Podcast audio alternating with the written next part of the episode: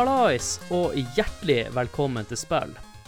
Som dere ser i episodeteksten, så skal vi snakke om Metal Gear Solid 2, Sons of Liberty, som er det fjerde spillet i Metal Gear-serien, og hadde store sko å fylle når de skulle prøve å lage en oppfølger til Metal Gear Solid.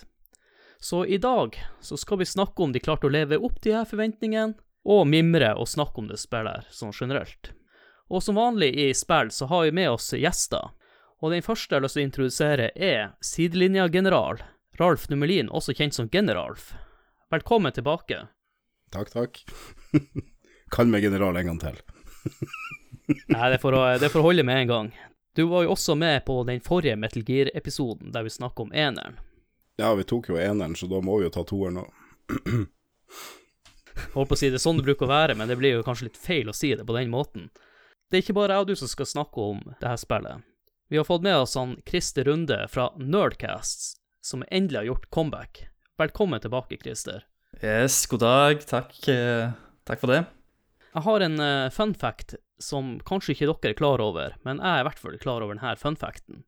At for ca. tre år siden nå, eller om to uker da, etter vi har spilt inn, så er det tre år siden vi spilte inn første pilotepisode av Sidelinja.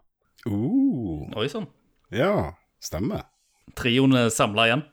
Og jeg tror ikke vi har vært samla i mellomtida heller, Nei. Nei. så det er jo et Nei. artig gjensyn tre år etterpå. Hva vi prata om da? Det husker jeg jo ikke. Må, vi må gå tilbake til pilotepisoden. Ja. da, i så fall. Hvis folk er nysgjerrige, så sjekk ut pilotepisoden til Sidelinja. Som vi alltid bruker å høre om med gjestene våre i spill, det er jo hva er deres relasjon til eh, det spillet vi skal snakke om i dag, og har dere noen morsomme minner dere har lyst til å dele, meg og lytterne, da? Uh, ja, skal jeg begynne? Ja, gjerne. Greit. Uh, jo, vi snakker jo om Metal Gear Solid 2 i dag. Eh, og det var jo et langt etterlengta spill for min egen del, fordi at eh, Metal Gear Solid 1 til PlayStation 1 var jo et av de store favorittspillene mine fra ungdommen. Og det lærte meg egentlig at spill òg kunne være filmatisk, og ikke bare spill, men gjerne konkurrere mot uh, filmmediet. Um, med måten uh, Hideo Kojima brukte klippeteknikker og voice acting på en helt uh, fantastisk måte, eh, som drog deg inn i handlingen. Eh, og samtidig så var det òg et eh, veldig kult eh, spill å spille. Stelt eh, actionspill. Eh, så jeg eh, var skamklar til Metal Gear Solid 2. Jeg hadde venta lenge. Eh, på den tida der så var det jo sånn at eh, jeg eh, besøkte Narvesen til stadighet for å se på nye PlayStation-magasiner. Eh, og se om jeg fant noen bilder, noen artikler, hint om hva jeg kunne finne i oppfølgeren. Og jeg husker at jeg på et tidlig stadie fikk tak i Jeg lurer på om det var Zone of the Enders jeg kjøpte, eh, som kom ut. Og den hadde den japanske demoen til Metal Gear Solid 2. Eh, Mulig jeg forveksler den japanske og den engelske, for jeg hadde begge to, ser du. Ja, det, det kom demoen med Zone of the Enders, og det er vel eneste grunn til at folk kjøpte Zone of the Enders. Yes. I, I Europa, vel å merke. ja, ja, ja. Det var nok vel litt mer populært i Japan, ja. For det er jo Mex eh, som slåss og flyr, så selvfølgelig. Veldig anime. Ja, og Anime Girls og sånne greier. Absolutt, absolutt. Eh, men jeg spilte den demoen eh, religiøst. Eh, spilte sikkert eh, 200 ganger gjennom det. Testa alt. Eh, var, jeg, var så lommekjent. Jeg kunne sikkert spilt den demoen i blinde. Eh, Syntes det var dritkult, alle detaljene, eh, ny grafikken. Eh, fikk alle Codex-samtalene. Eh, fordi at eh, selv om det var engelsk, nei, japansk språk, så var det jo tekster på engelsk. Eh, Så du kunne iallfall lese litt sånn, og skjønne hva, hva som ble sagt, og uh, ut ifra tekst. Eh, og etter en liten stund så kom det et sånt PlayStation-magasin med den engelske versjonen. Med de amerikanske stemmene, så da kjøpte jeg det òg. Og det var jo egentlig den samme demoen, bare at du kunne uh, Jeg tror du kunne gå et lite stykke lenger inn i demoen. Om du, du fikk eh, Varte det ut hele Tanker Mission, kanskje? Det husker jeg faktisk Husker du det? ikke. Jo, jeg tror den ender opp med den eh, kampen. Mot Olga. Ja. Ja, ja, det er før du går ned under dekk. Jeg lurer på, jeg lurer på det. Og da var det jo, i og med at jeg var så veldig kjent med den japanske utgaven, så var det jo en del småforskjeller som jeg merka meg. For jeg kunne jo alt brams, så jeg kunne jo alle kodekssamtaler. Og da når jeg spilte den engelske, så eh, og gjorde de samme tingene og forventa de samme kodekssamtalene, så var det små tweaks. Eh, de hadde tatt vekk latteren til Solid Snake, eh, blant annet. Han, han var Han, han joka mye mer i den japanske enn den eh, eh, amerikanske. Fordi at han var, han var litt, litt mer alvorlig. Eh, du kunne blant annet eh, gjemme deg inn i et skap, og så kunne du eh, kunne du vel se på noen sånne eh, bikiniplakater, og så kunne du ringe til Adekan, Eh, og så fikk Ja, du en sånn liten joke der. Eh, og i den japanske versjonen så ler Snake. Eh, men, men i den amerikanske så ler han ikke, da. Da holder han maska. Men eh, ja, så dypt eh, jeg, jeg var, gikk i Hideo Kojimas kirke og tilb tilbed han på, på det stadiet i livet. Så eh, det er egentlig min eh, inngangsbillett til dette spillet vi skal snakke om i dag. Det interessante det du forteller, Christer, er at jeg og du, vi er jo like gamle. Så det er jo også det her stadig livet vårt at vi var mer inn på spillnyheter enn tidligere. Så når vi var litt yngre, så bare ops, her var Golden Eye i butikken, mens nå var vi litt mer på jakt etter eh, nyheter enn før, for å bygge opp hypen. Stemmer. Enn du, Ralf, har du fått med deg hypen før spillet kom ut? Å, herregud, ja. Det, eh, det, var vel, det var vel jeg og Jan i, i eh, Metal Gear Solid 1-episoden, var det ikke det? Ja. Ja, og jeg, vi spilte jo Metal Gear Solid 1 i hel, og, og vi skulle få med oss alt om toa. Og, og den eh, DM, altså han, Jan kjøpte Zone of the Enders, og vi satt hos han og spilte demoen. Eh, Kasta jo Zone of the Enders ut av vinduet. Og, eh, og spilte demoen i ja, helt til spillet kom ut til slutt. Og det, jeg tror, det er vel det mest hypa jeg har vært for et spill. Både før og etter. Ja, ja Før så var det vel Final Fantasy 9. Og så tror jeg ikke jeg har vært hypa så mye hype for et spill etter det. Det satt en helt ny standard. Jo, kanskje litt Metal Gear Solid 4, da. Den eh, var ganske hypa på den òg. Ja. Og trea, egentlig. Men ja. Uh, ja. Nei, eh, ellers er det samme som Christer sier. Det, vi, vi, var, vi var helt uh, slaver til uh, Hideo Kojima sin eh, visjon. Som eh, jeg fortalte i, eh, i forrige Metal Gear-episode, er jo at han Ralf introduserte meg til denne spillserien.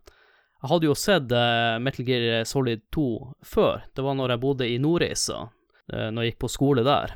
Så jeg husker jeg var innom et hybelhus, og der husker jeg en fyr satt og spilte Metal Gear Solid 2, men jeg kjente ikke igjen hovedkarakteren der.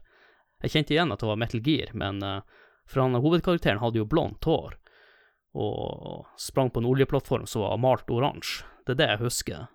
Og han spilte i bakgrunnen uten at jeg la så mye, mye mer merke til det.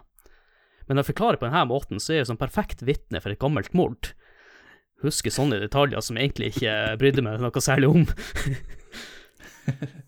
på grunn av Ralf her da, som er med i denne episoden, så har jeg latt meg fascinere mer av Metal Gear-serien, og egentlig begynt litt i feil ende. For det første spillet jeg har runda, er faktisk Metal Gear Solid 5. Ja. Så har gått det motsatt vei. Men jeg så jo han Ralf runde både Metal Gear Solid 1 og Metal Gear Solid 4. Ja. Noen ledige studentkvelder. ja. Jo, ei helg, helg i Gratangen. Nå tenker vi egentlig at det er bare å sette i gang med selve praten om Metal Gear Solid. To. Sons of the Patriots. Nei, Sons of Liberty. Nei, Sons of Liberty, ja. Ja. dere, tok, dere, eh, dere brukte litt tid på det. Jeg tok meg sjøl i å si feil. Du sa Son, Sons of the Patriot. Jeg bare Ja. Du, Nei, har, er du har muligheten nå, Christer. Uh, Metal Gear Solid 2, uh, Sons of Liberty.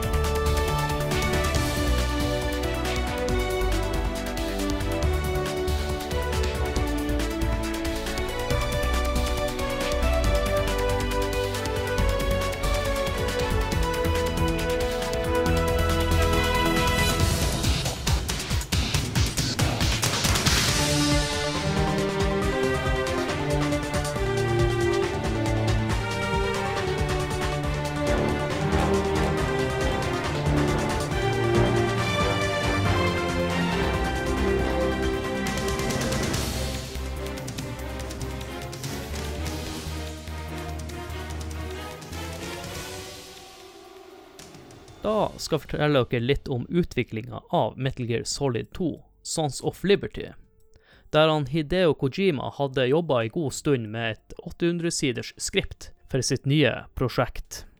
Og i november 1998, to måneder etter utgivelsen av Metal Gear Solid, var det endelig klart for å sette i gang med sitt nye Metal Gear Solid 3.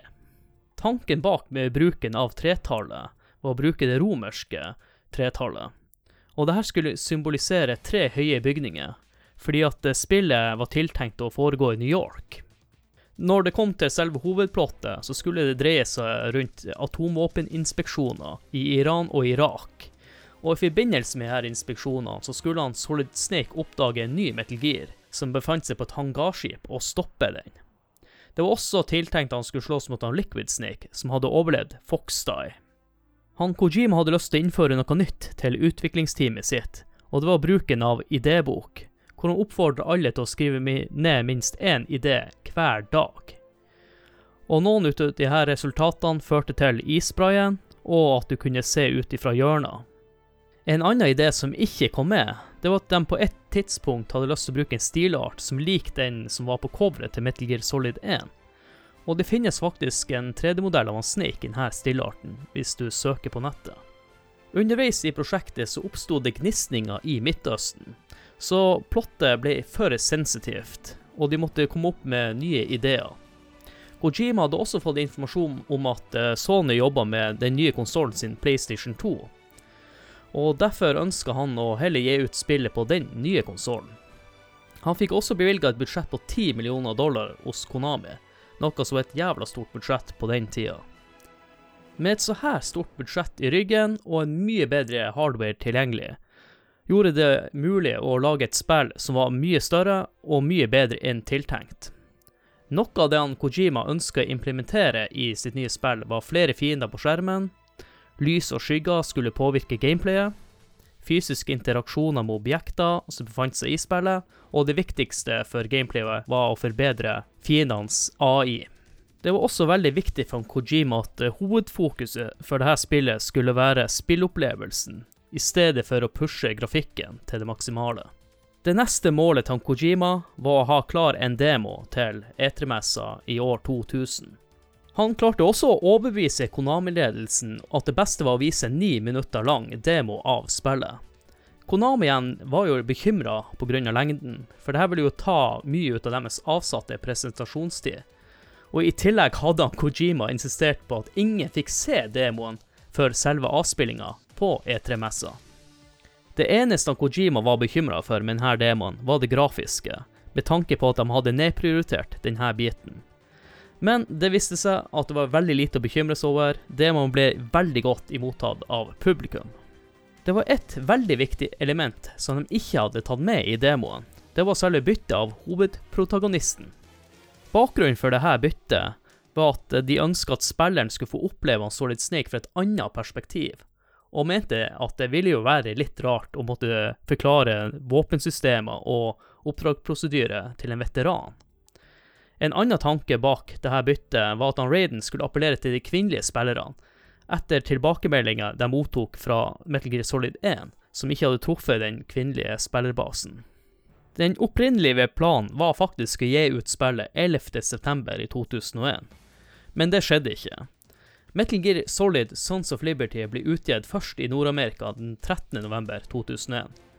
Den japanske utgivelsen var to uker etterpå, og de hadde også et annet cover som visste han Solid Snake og Raiden, mens den nordamerikanske versjonen hadde kun han Solid Snake på coveret. Nå tenker dere, han har jo ikke nevnt Europa. Som vanlig i Europa så må vi alltid vente litt, så 8. mars 2002, fire måneder etter, så fikk vi spillet. I 2011 ble det sluppet ut en HD-edition av spillet utgitt på PlayStation 3, Xbox 360 og PS Vita i 2012. Da har jeg hatt en liten gjennomgang med dere om utviklinga til Metal Gear Solid 2, Sons of Liberty. Og da lurer jeg på, Ralf, kan du ta oss gjennom plottet til spillet? Ja. Lykke til, eh, Ralf. Det, det kom ut ja, Lykke til. Nå skal jeg prøve å ta det kjapt. Det bruker å gå eh, alt Ja, det er jo det òg, da. Forklare plottet til Metal Gear. Plottet til Metal Gear Solid 2. Ei- Eineren er litt enklere der. Jo, jo, men også er det lettere i, i fire igjen. Mm. For da er svaret er bare nanomachines. Nanomachines svarer på alt. Mm, ja, fordi nanomachines. Mm. Uh, men i hvert fall, det er i framtida i forhold til eh, det året spillet kom ut. Det er i 2007. Eh, det er blitt utvikla en ny amfibieversjon av Metal Gear, som heter da Ray, istedenfor Rex, som den heter i det forrige spillet. Denne Ray Metal Gearen den befinner seg om bord i et uh, tankskip, eller ser ut som et tankskip, men det er jo ikke det, uh, som seiler ned Hudson River i New York. Solid Snake og Ottacon, eller Octacon som han Adrian kalte han i forrige episode om Metal Gear. Jeg blir sikkert gjøre det i denne episoden òg. Uh, de, de er medlemmer i ei gruppe, en sånn frihetskjempergruppe eller noe sånt, som heter Philanthropy. Jeg husker ikke helt bakgrunnshistorien til dem, da. Men uh, de skal i hvert fall infiltrere det her tankskipet, eller Snake skal gjøre dirty work. Infiltrere skipet og finne bevis for at den her nye Metal eksisterer. Eh, Det, han, Solly Snake han kommer seg jo om bord i det her skipet, i noe som muligens må være den mest episke åpningsscenen i et spill noensinne. Eh, og, og litt som et uh, Ja, nesten Jeg husker vi ble litt skuffa, for at han ødelegger jo en sånn her han, uh, Stelt. Ja, den stelt-greia si på når han lander. I hvert fall, han, han kommer seg om bord, vellykka, og men eh, samtidig som han liksom kommer ned, da, så blir skipet da kapra av russiske leiesoldater, leda av en colonel Gerlukovic, eh, og dattera hans Olga. Og så er de backa opp av en kar som heter Shalashaska. Eller Revolver Oslot, som vi kjenner han som. Bam, bam, bam. Bam! Dermed så ender jo han eh, Snake midt oppi en situasjon mellom uh, russiske leiesoldater uh, og de her sivile uh, folkene som viser seg å være US Marines. Ja, Snake viser jo sin eh, evne til å vite alt, med at han bare hører helikopterlyden, så vet han hvilke helikopter det er. Det er litt morsomt.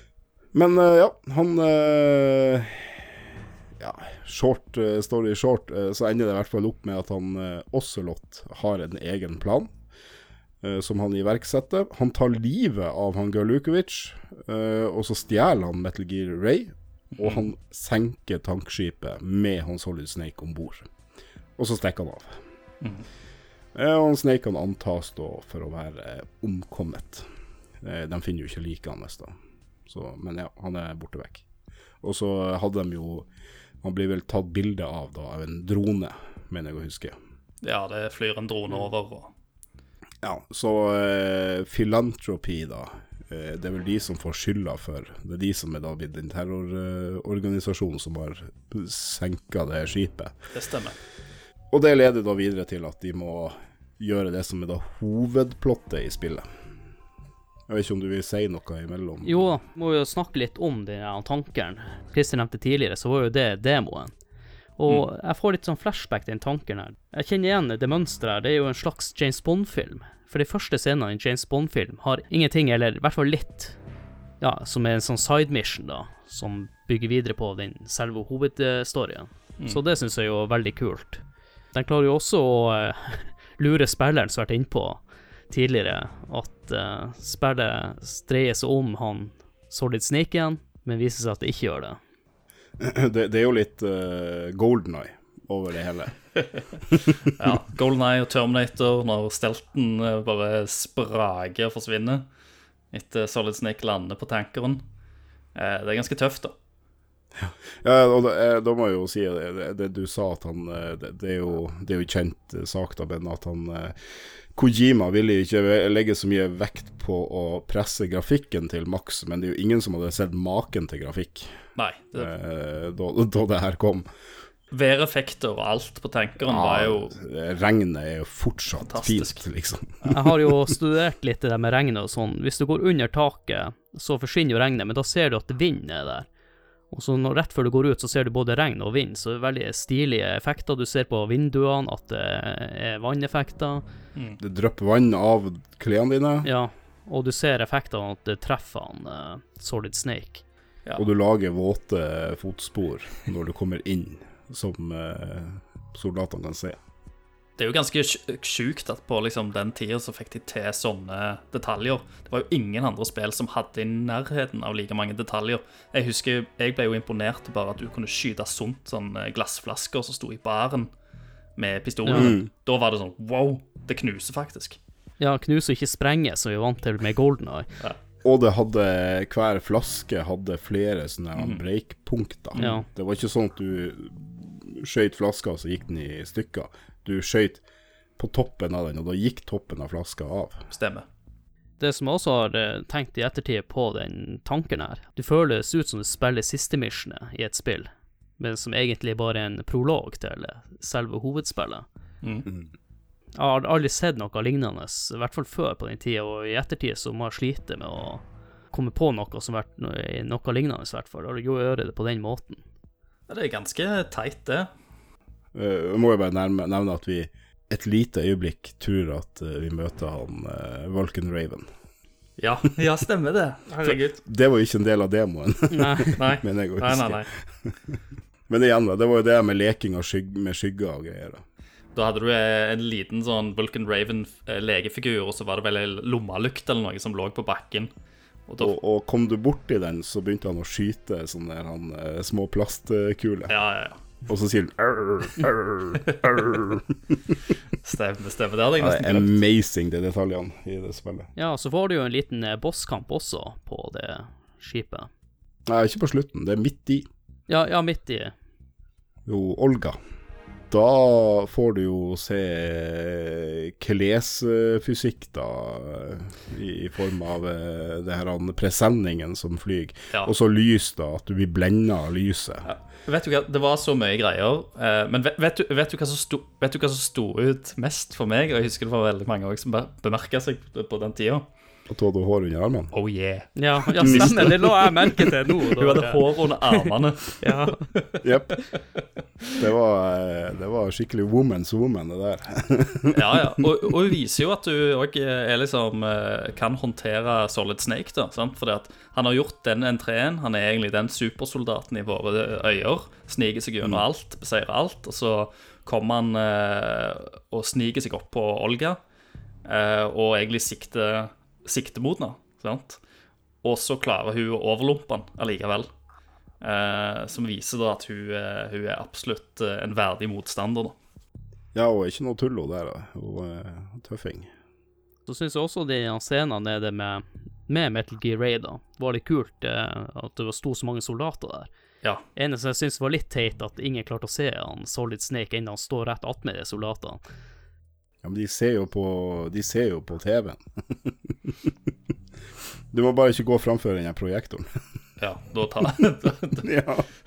da tar de seg. Men det er jo fantastisk når hva det er 50 stykk som snur seg, og alle har den der um, oppstandelseslyden. Ja. Ja. Og eh, det som eh, For der skal du klatre rundt, og du skal ta noen bilder der, skal du ikke det?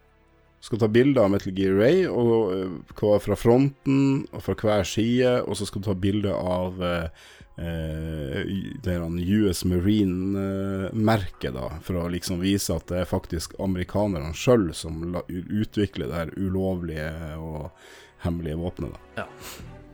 Etter denne Rex-incidenten, da. At de eh, faktisk fortsetter med driten. Ja, og selvfølgelig så må du ta bilde av de dameplakatene som Christer nevnte tidligere. Ja, ja, ja, ja, ja, for, å, ja for å få eh, kommentarer på Kodek-greier. Og det er, jo en, det er jo en Nå husker jeg ikke om det er den eh, japanske eller om det er den engelske, eh, men det er en, en eller annen gang der du har bare Solid stake som står og puster noe fælt. Det, og eh, hvis, du- hvis du ikke vet bedre, så virker det som han står og runker liksom inni den lokkeren. For han har sånn åpen, åpen munn og bare Jo, du, du kan, jo, du, hvis du går nok frem og tilbake sånn, så kan du høre kysselyd på den plakaten når du står inne i skapet. Ja, jo, jo, for at du har eh, Når du er inni uh, de her PlayStation 2 hadde jo analoge sånne triggere, Ja. den òg. Det var bare at de var ikke sånn eh, Det var trykk, trykksensitiv. Eh, så når du trykka inn L2 og R2 mener jeg, så uh, lener han seg fram, Mm. så du kan se ut av eh, det, den der Ut av Ja, det er jo noen griller, da. Ja, ja. Men, men eh, hvis du da Jeg tror du kan gå ned på kne, og så kan du gjøre det samme mot det bildet, og, og da blir det sånn Ja. Stemmer. Men eh, som dere hører, så har vi jo snakka mye om bare prologen til spillet, og det sier jo seg sjøl hvor banebrytende den var. Jeg har bare lyst til å nevne en liten fun fact. Det er jo Navnet til tankskipet er Discovery. Og det er en referanse til Kojimas sin favorittfilm, som er 2001 av Space Odyssey. Så han er glad i å gi litt sånn små easter eggs. Ja, han er, han er jo en filmelsker. Han ville jo bli filmregissør, eh, men så klarte han jo ikke det, så han begynte å lage spill isteden. Ja, det kommer jo tydelig fram i siste spillene. Ja. At uh, det, det blitt veldig fokus på å ha eh, skuespillere med. Ja, nå får han endelig lov til å liksom innfri disse her fantasiene sine, da. Nå kan han hyre inn eh, disse her amerikanske kjendisene. Eh, en, en ting f f- før vi går fra tankeren, da. Eh, En liten sånn eh, plott-greie da, før vi går videre, er jo det at eh, Oslot dukker jo selvfølgelig opp, eh, stikker av med Ray.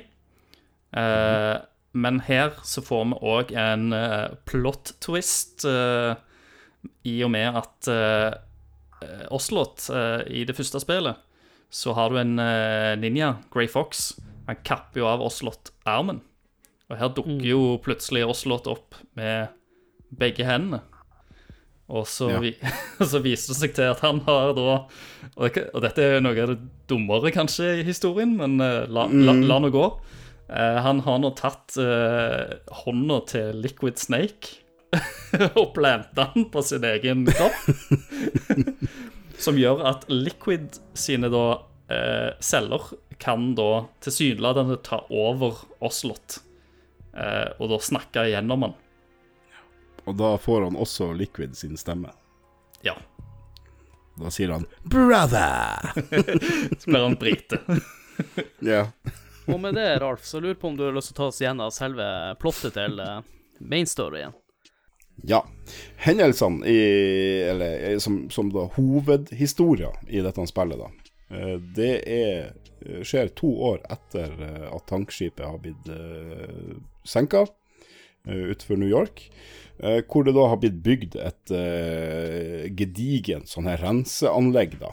Det ser ut som et, eh, et Outer Heaven, spør du meg. Da, det heter Big Shell. og er der eh, for å rense opp etter den her miljøkatastrofen som det her tankskipet eh, sin senking førte til. Noe som bare er bullshit, selvfølgelig, for det var jo aldri noe olje om bord i det skipet. Men eh, i hvert fall, de har fått eh, besøk av presidenten eh, om bord i det her Big Shell-saken. eh, For å være på ei omvisning. Eh, Men så viser det seg at det, det er ei terroristgruppe som eh, kaller seg for Sons of Liberty, som har tatt over plattformen. Og de tar presidenten til fange. Og så truer de med å drepe presidenten og sprenge Big Shell, og, som igjen da vil føre til den største miljøkatastrofen i manns minne. Så da sender Foxhound, de har vi hørt om før, de sender ut sin agent, Snake. Eh, og dette er jo det vi får høre når eh, Vi får høre brifinga samtidig som eh, han her Snake da blir flydd ut mot uh, Eller ikke flydd ut, de, de som flyr ut, er vel Navy Seal. Seals. Ja. Ja, de, for de sender jo Navy Seals ut i ditt òg. men han eh, Snake han blir jo sendt vannveien, uh, som på vanlig måte. ja. Og uten, uten våpen osv. På vanlig måte. Men i denne brifinga som vi får høre, så får han endra kodenavnet sitt til Raiden. Og grunnen til det er fordi at den lederen av denne terroristgruppa påstår at han er Solid Snake. Som er den personen man eh, trodde var død. Eh, de her Navy Sealsene da, de blir jo eh, tatt av dage ganske så kvikt. Og, og, men det er bare én kar som overlever, og han heter da Iroquois Pliskin. Og for oss som kjenner Metal Gear Solid, så skjønte jo vi med en gang hvem det var. Og igjen da Stemmer. må vi jo si den her referansen til eh, Hva heter filmen igjen? Nå spør du godt. Escape from New York. New York Ja, og Escape, from, LA. New York. Det her er ut. Mm. Ja. ja. Og han heter jo Snake Pliskin, den karakteren. Mm. Det, var, det var med overlegg, det her, da. Yes. Han har lapper ved øya. Ja. Så er det jo her i overraskelseselementet også er at uh, spillet starter jo på identisk måte som i Metal Gear Solid. Ja. Og han har på seg den rare finlandshettet som er dykkermaske, et eller annet. ja, sånn eh, Det er sånne gjeller, da, eller noe. Og hva tenkte dere når han dro av seg den maska? Nei, jeg så jo kroppsbygninga til hva det er her for noe, før han dro av seg. Så prøver han jo på sitt beste, denne her stakkars eh, stemmeskuespilleren, å være litt mer grumpy i stemmen. Eh, mens, Yeah. mens, han, uh, mens han driver og svømmer og, og kler av seg. Men uh, jeg tror ikke han klarte å lure noen om at dette var samme figur. ja, for han sier jo Snake et eller annet bla, bla, bla, og så Snake. svarer han. Og så bare Hæ? Og, og da tenkte jeg bare Hæ? What? Stemmeskuespilleren til Johnny Quest, hvis noen så den tegneserien. Ja, jeg ser det. Ja, det, det er han samme som har det. Det var et eller annet kjent med han, men det var ikke David Hater. Det er jo da det blir liksom, da, får man endelig se at Å uh, ja, du skal ikke styre han, han Snake i dette spillet her. Hva dere syns om det valget, egentlig? Lyktes de med det de hadde sett for seg, da? Akkurat da hata jeg det. Eh, da jeg eh, fikk en dude med langt blondt hår, eh, og som uh, tok uh, slo hjul uh, istedenfor å ta og stupe kråke. Og, og, og sånne ting. Og så sprang han sånn ja. Og glei på måsebæsj og Ja, rett og slett. Han var litt pingla. Ja, han var litt pingle. Ja. Uh, og jeg, jeg hata det ei liten stund. Men uh, i løpet av spillet sin eh, utvikling, da, så altså, historia sin utvikling i spillet, da skjønner man jo at det her er jo faktisk et jævlig godt valg Mm. etter hvert. Syns jeg, da. Jeg er, jeg, er, jeg er helt enig, og jeg tror det, det som gjorde det litt lettere for meg, var jo eh, som sagt disse ryktene eh, med tanke på at spillet hadde blitt eh, sluppet ut eh, i USA før det kom til Europa. Eh, så hadde nok jeg eh, hørt litt eh, hvisking over Atlanteren om at uh, dette her kanskje kunne skje. Uh, og brukt litt tid på å prosessere og liksom bare tenke at OK, greit, vi får bare ta det som det kommer, da. Jeg har litt uh, noen facts om Raiden. Hans virkelige navn er Jack, og han er født i 1983, så han er akkurat litt eldre enn oss. Og i barndommen hans var han en barnesoldat, før han Solidus Snake, som vi skal snakke om litt senere. Og senere ble han med i Foxhound. En annen fun fact er jo at han Raiden ble faktisk ganske godt mottatt i Japan. Det kan jeg tenke meg. Og det kan godt skyldes at han ser ut som en manga-karakter. Ja, han er, og han er òg en yngre protagonist. Det pleier alltid å være, være bra for publikum der. De liker unge folk. Ja, du, du bare ser på Fun Fancy-spill. det er jo liksom Det er ni år gamle karakterer, liksom. Ja. Og så har, og så har de tanker og refleksjoner som eh, 50-åringer nesten kan misunne dem. Mens de går på college eller på high school. Eller Ja, liksom. ja, ja, mens, mens de går på college. eh, Japanere er weird til tider. Det du sier, eh, Christer, at du, du tenker at eh, han Solid Snake han begynte å bli litt for gammel for det japanske publikum. Ja, jeg, jeg tror egentlig det. At uh, Det kan jo godt være at uh, Det er litt sånn eh, Nå vet jeg jo ikke Av grafikken til PlayStation 1 så aner jeg jo ikke hvordan eh, Metal Gear Solid eh, 1 og Solid Snake ble mottatt i Japan. Men det, antar, det ble jo veldig godt mottatt i Vesten.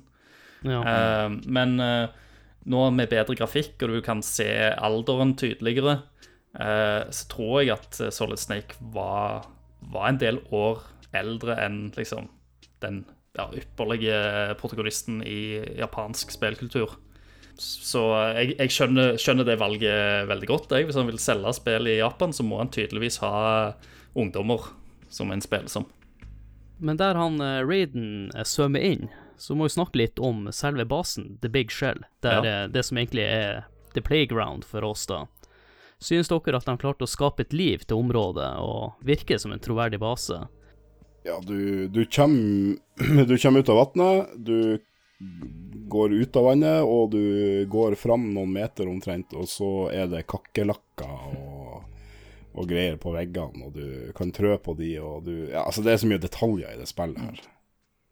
Det er kanskje et lite problem da med at det her er bare en to år gammel ting, men det ser ut som det har vært levd i kanskje fem til ti år på enkelte ting. Men det kan jo det, det er klart hvis det er litt sånn fuktig og, og kjipt nedi på vannplan, så ja, ja, ja. Men det er mye detaljer. For min eh, del så tenker jeg at um, jeg synes mange områder blir litt for like, og så er jo den oransje eh, saken at kanskje den kunne forandre litt farger på alle de områdene du må springe til. Det er jo mulig. Det er, liksom, det er jo kanskje litt sånn tekniske begrensninger for tida. En måtte jo gjerne ha gjenbruk av en del uh, elementer uh, da. Jeg, jeg, tror ikke jeg hang meg så jævlig mye opp i, eh, i, det når jeg spilte det den gang da. Da var det liksom Da var det et, en stor base, og eh, det var Det opplevdes som du forflytta deg rundt på forskjellige plasser på oljetankeren. Ja, Jeg er helt enig. Det, den, den, jeg hadde ikke noe Nei, men bare tenker på Metal Gear Solid 1 så hadde du litt uteområder. Du hadde litt uh, områder som så litt forskjellige ut, mens her jeg synes at mye går igjen. Mm. Men det fine med det her spillet er at det er ikke like mye backtracking som det var i det forrige. Nei, du har jo noe som springer rundt, men greia er at det er jo en sirkel. Så mm. du, du, kan gå eh, Du kan jo gå hele veien rundt. Mm. Når du, i hvert fall når du har fått eh, Det er vel noen nøkler og sånt du må ha. Nøkkelkort, ja. Det gjør det litt lettere, for du, du trenger ikke å springe fra slutten til begynnelsen. Mm. Det er liksom bare gjennom ei dør, plutselig. Mm. Så er du helt der du starta. Og så hadde de jo eh, innført noen nye mekanikker her, da. Eh, de hadde jo beholdt det eh, top down-perspektivet. En ny ting var jo at du kunne, når du skulle skyte, så så du i første person. Du kunne se i første person, og skyte i første person. Ja. Men du måtte jo ikke gjøre det. Nei, nei, men uh, du vil jo helst skyte i, første person. Ja, ja, for at du, du fikk jo den uh, Er det M9? Tranquilizer-pistolen. M9. Hæ? Jeg bare husker når han får den, så det er M9. Han har et sånt M9, M9. uh, voice-greier uh, der. Når, ja. når, de skal forklare trank-gunnen til han. Fordi at selvfølgelig, uh, Det er jo den klassisk Metal Gear Solid, og Solid Snake spesielt. Han stiller jo spørsmål med alt de sier til han. Bare for at da kan du gå inn og forklare meg enda mer hvordan dette her greiene funker. Mm. ja, nei, for den der, da var det ett og ett skudd, og uh, så den er jo litt uh, grei å kunne sikte med. Mm. Blir spillet for lett til tider med den, å kunne skyte i perspektivet, da? Uh, jeg føler ikke Metal Gear Solid 2. Der føler jeg at Metal Gear Solid 5 har, uh, har en utfordring. Mm. At uh, Tranquilizer Gun, den, den, er OP i det, i det spillet. Ja, du hadde jo så mye ganger og greier òg, sant? Så, som du måtte forholde deg til, og vaktene var gjerne rundt hjørnet og den type ting òg. Ja, du har ikke den oversikten i, i Metal Gear Solid 2, så du, du blir litt uh, Det er veldig mye du ikke vet hva som kommer rundt hjørnet. Men det som er også litt stilig med å skyte på den måten, er at det er litt mer realistisk. For i det virkelige liv så går det ikke an å run and gun. Du skal i hvert fall mm. ha flaks hvis du treffer, så her er jo litt stilig med at du faktisk må stille deg i ro for å så sikte og så skyte, som man gjør i virkeligheten. Og ikke i Fortnite og de spillene. Det var også andre ting de innførte med selve snikinga. Du kunne snike på forskjellige måter nå, som å klatre på rekkverket, kunne slå hjul som Trinity Matrix, eh, fotomode, som vi allerede snakka om. Det som er litt stilig med den første person eh, eh, kameravinkelen, er at eh, du kan av og til oppleve at måsen skyter på deg, så da ser du at det treffer kameraet som måseskyter. Stemmer. og du kan også få blodsprut på den. Mm. Og andre detaljer som var litt kult, er at du kunne ødelegge den radioen, sånn at de vaktene ikke kunne tilkalle andre vakter. Ja. Og du kunne trene opp gripen med å klatre langs eh, gelenderne med å ta 100 pullups, tror jeg du må ta. Så du, kan du holde litt lenger. Mm. Ja. Og det òg var vel eh, Hvis du holdt inne L2 og R2 inne, så hevte han seg ja, opp. Ja, da, dro, da drog han seg opp, ja. og, eh, og, så slapp du, så tok han ned. Jeg tror det var 100. Eh, så fikk du eh, grip eh, level 2, mm. og den varer jo i Ja, du har sjukt mye lengre sånn grip time. Ja, jeg husker en, en mekanikk. Eh, fordi at før spillet kom ut, så gikk det an å registrere seg og sende inn navnet sitt eh, til eh, Konami. Eh, I håp om å få navnet med i spillet. Eh, fordi at de hadde utvikla en eller annen mekanikk i, i spillet som, eh, som de skulle implementere navn på. Da. Og den kom jo i form av dogtags. tags de fleste soldatene rundt omkring på eh, Big Shell går jo rundt med dogtags. tags og da kunne du gå inn i førstepersonsmodus og sikte på dem. Eh, og da, måtte, da kunne du sikte på hodet deres, eller du kunne sikte på skrittet deres. Eh, og da ble de jo ekstra nervøse, som gjorde at de tok en liten shakedance. Eh, Shaky, shaky, shaky. og, da datt, spratt det plutselig av en, eh, en dogtag da, som du kunne samle på. Og da var det et gitt antall dogtags. Jeg tror faktisk de dogtags òg var forskjellige ut ifra hva vanskelighetsgrad du spilte spillet på. Okay. Eh, så jeg tror det var forskjellige navn. Men, eh, men jeg husker iallfall at jeg eh, samla absolutt alle jævla dogtags i det spillet. Eh, jeg bare husker ikke antallet. Og jeg husker òg at mitt navn ble ikke valgt ut. Det var veldig kult med Christer. Runde der. Ja, det hadde vært veldig gøy. Nord nordmann i den eh, russiske terrororganisasjonen. Ja, det var, mange, det var mange rare navn som ikke hørtes helt uh, russiske ut. Men eh, det var jo veldig bra AI på de her eh, fiendene også. Spillet oppfordrer også til å være litt mer offensiv, for de bruker litt tid på å tilkalle hjelp. Mm. Så hvis du er god nok, så klarer du kanskje å ta dem ut før de klarer å varsle de andre. Og du, du må liksom eh, De bruker litt tid. De plukker jo opp radioen Mm. Ja. og, og trykker på den. Og, og, så hvis du skyter radioen før de rekker å liksom trykke og begynne å prate, da, eh, da er det all good. Men, eh, men hvis de rekker å trykke og prate, og du skyter radioen etter det, så får du bare høre Hey, what's going on? Respond. Eh, Og så sender de ut folk for å sjekke hva det er som foregår. Mm. Det, det er så mye detaljer i det spillet. Det Og det var vel uh, uh, første spill der du kunne ta med deg disse her like og gjemme de i skap og sånt òg, kunne du ikke det? Ja. Eh, så hvis da du var litt treig og du visste at noen kom til å sjekke, så hadde du sjanse til å bruke den lille tida du hadde da, til å plukke opp den enten sovende eller døde soldaten eh, og stappe den inn i et skap. Du kan ta soldatene og eh, plukke dem opp og slippe dem, og plukke dem opp og slippe dem. Eh, så får du ammunisjon og utstyr og sånt ifra dem, Ja. i tillegg til at du kan gjemme dem. Og en annen kul detalj med det der er at eh, når han Snake, eller han Raiden, da, skal gå forbi fiendene, så ser du at han prøver ikke å gå på dem. Ja, skrever litt over dem. og Det er vel ikke så mange forskjellige typer fiender, det er jo stort sett de soldatene, men så innførte de noen sånne droner som ikke var med tidligere. overvåkingsdroner, og så har du droner med, med våpen. Og så har du de fra, fra ena, da. Du har jo de kameraene og de skyte, skytekameraene, om du vil. Bare at nå kan jo du ødelegge de. Ja. Det kunne man jo ikke gjøre i ena. Nei. Men det, ja, bare det at eh, lik og Eller de du eh, gjorde at de sovna, de, at de ble liggende. Mm.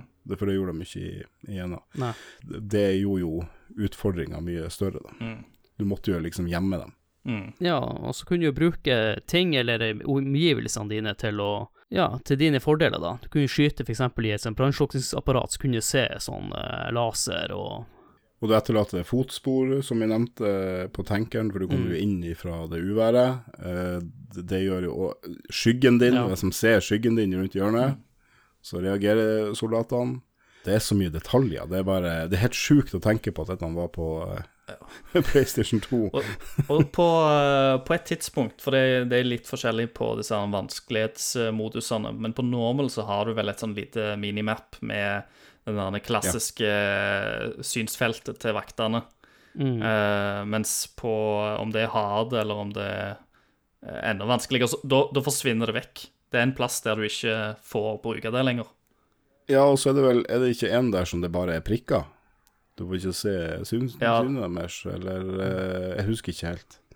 Men det er jo klart det at når vi sp spilte i de vanskelighetsgradene, så, så visste en jo fiendeplasseringene uh, i blinde. Så da gikk det greit. På høy nok vanskelighetsgrad så er det jo game over hvis du blir oppdaga. Ja, stemmer. European Extreme. Ja. Eller er det, er det det før den òg? På? Extreme òg, tror jeg. Jeg tror Extreme òg. European Extreme, da er det, det, det er et par ting til som fører til game over. Ja. Eh, men jeg husker ikke hvilke ting det var. Men ja, litt morsomt at, eh, at vi europeere som eh, har endt opp med å liksom skal gjøre spillene på vanskeligst mulig måte. Ja. At eh, det ble en egen European Extreme. Og det fortsetter de jo med i trea og fira, og eller er det i femma? Det husker jeg ikke. Jeg husker ikke sjøl, jeg, om uh... Men det er en European Extreme, i hvert fall i tre og fire. Ja. Men eh, det spesielle med spillet her er at du går jo stort sett med en, en tranquilizer gun. Men er det noen andre items og våpen vil også trekke frem? Får du farmasen?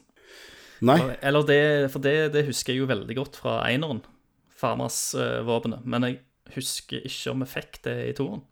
du får eh, M4, og så får du AK74. Mm. Du får ikke noe famas i det spillet. Jeg husker jeg var litt skuffa over det, for jeg syntes den var så kul. Eh, og så får du Du får noen rakettgreier. Du får Stinger og Nikita, samme som i ena. Eh, Og du får de granatene og C4 og Claymore, samme som i ena. Du får magasiner, gjør du ikke det? Jo, det gjør du. Mm. Ja, som du kan kaste.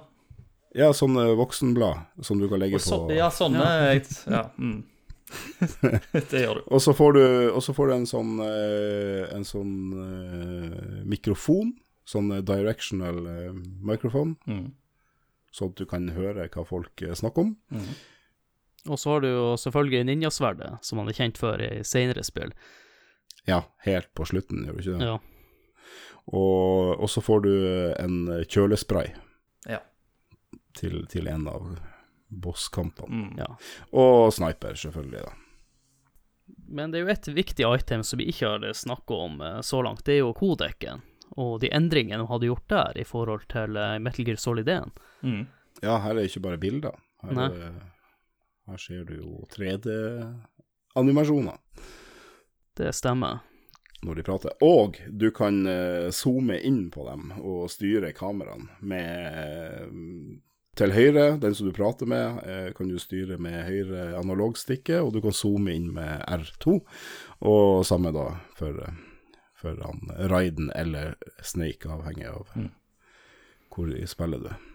Personlig så syns jeg det var litt kult med de han, eh, stillbildene, eller var ikke helt stillbilder, men jeg liker litt eh, som han eh, Christer den tidligere, den stilarten. Mm. Akkurat på Ja. det syns jeg var veldig kult. Jeg òg. Og, det, og det, det er jo liksom litt animert, det òg, til tider. Eh, Mm. De beveger på kjeften. Ja, Det er ikke sånn at de er helt stille. De beveger beveger Og når de, fli, når de flirer. Ja, de flirer, og de har noen uttrykk, ansiktsuttrykker av og til. Eh, og når, eh, når Mester Miller viser seg til å være Liquid Snake, når han tar av solbrillene og løsner på hestehalen der. Men jeg skjønner jo godt at de valgte det de gjorde, for at eh, 3D var jo ganske nytt, og de hadde muligheten til å gjøre det her.